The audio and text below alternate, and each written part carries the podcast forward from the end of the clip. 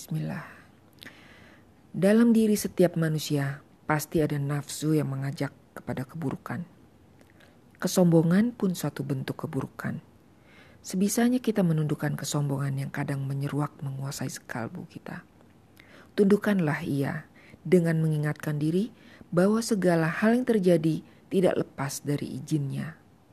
Tanyakan diri kita, kenapa kita berani sombong?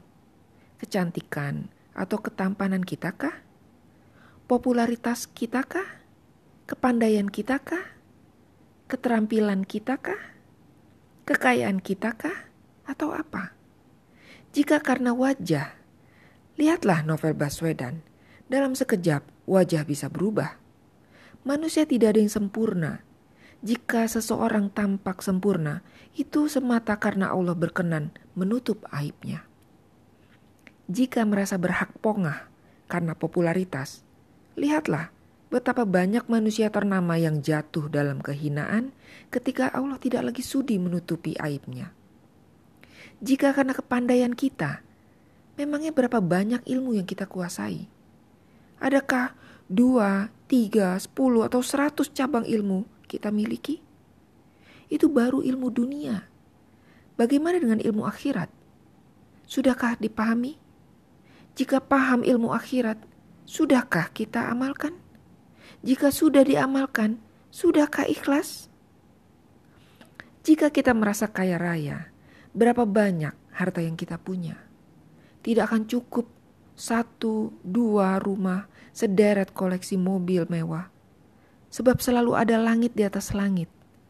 Sekalipun kita miliki puluhan rumah, mobil, motor, rumah sebesar istana di kawasan super elit, kesudahan kita sama saja.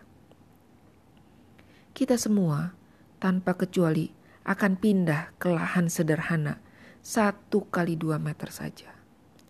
Jika merasa terampil, siapakah yang menciptakan jari jemari, kaki, lengan, mata, telinga, mulut, dan semua indera yang kita gunakan dalam keterampilan itu, yang memberikan kita hasil dan kekayaan yang berlimpah? Kitakah yang hebat ketika menjahit, atau jari jemari ciptaan Allah lah yang melakukannya? Jika kita bisa memasak, apakah kita yang hebat atau karena indera pengecap kita yang diberi kepekaan lebih oleh Sang Maha Pencipta?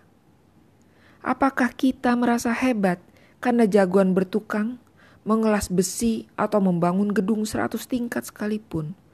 Sementara semua pekerjaan besar kita itu bergantung pada sepuluh jari jemari tangan kita yang memegang peralatan. Tanyakan artinya jari jemari kepada tukang las jika tangan mereka terkilir, apa dampaknya pada pekerjaan mereka? Kelebihan yang kita sangka itu bernama karunia, bukan cuma seputar jari tangan, lengan, kaki, wajah, telinga, tetapi semua organ tubuh lainnya. Tanyakan siapa yang menciptakan mereka. Saya, kamu, kita atau dia. Terima kasih sudah mendengarkan podcast saya. Nela Dusan, sampai ketemu di podcast saya selanjutnya. Selamat malam.